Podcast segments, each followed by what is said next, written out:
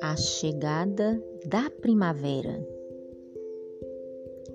As abelhas que viviam no Jardim Florença estavam muito agitadas com a chegada da primavera, pois nesse jardim as flores nasciam sem cor e era tarefa das abelhas colorir todas elas.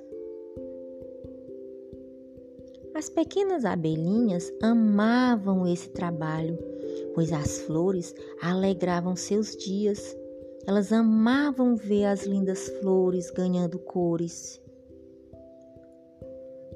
Porém, quando a primavera se aproxima, elas ficam muito, mas muito atarefadas, pois elas têm muitas flores para colorir. Abelha rainha já não conseguia dormir há dias, preocupada e trabalhando muito. Essa primavera estava diferente, pois o jardim havia aumentado e as flores tinham se multiplicado. Ela e suas operárias não dariam conta de tantas flores, e pela primeira vez, depois de muitos anos, a primavera chegaria e a metade do jardim estaria sem flores e todas sem cores. E agora? O que será do nosso jardim com flores sem cores? Falou a abelha rainha. Não receberemos desse jeito tantas visitas como nos anos anteriores. Quem quer ver um jardim sem cor?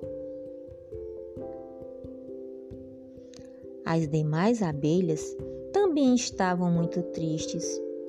E a tristeza foi tão grande que a notícia chegou ao jardim que ficava do outro lado da cidade, que era o Jardim Paraíso.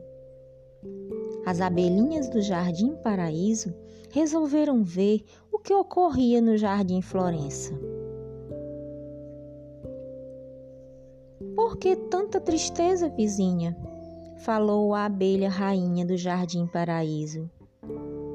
É porque a primavera está chegando e não vamos conseguir pintar todas as flores. Nosso jardim ficará sem cor. Ah, não fiquem tristes. A primavera é tempo de alegria. Vamos ajudá-la a tornar esse jardim o mais lindo, o mais visitado na história da primavera. E como num toque de mágica, em questão de minutos, o Jardim Florença ganhou cor, ganhou vida, ganhou alegria. Obrigada, não sabemos o que seria de nós sem vocês. Não precisam agradecer. Vizinhas são para se ajudar quando precisarem. Tenham uma primavera bem colorida. Agora nós teremos.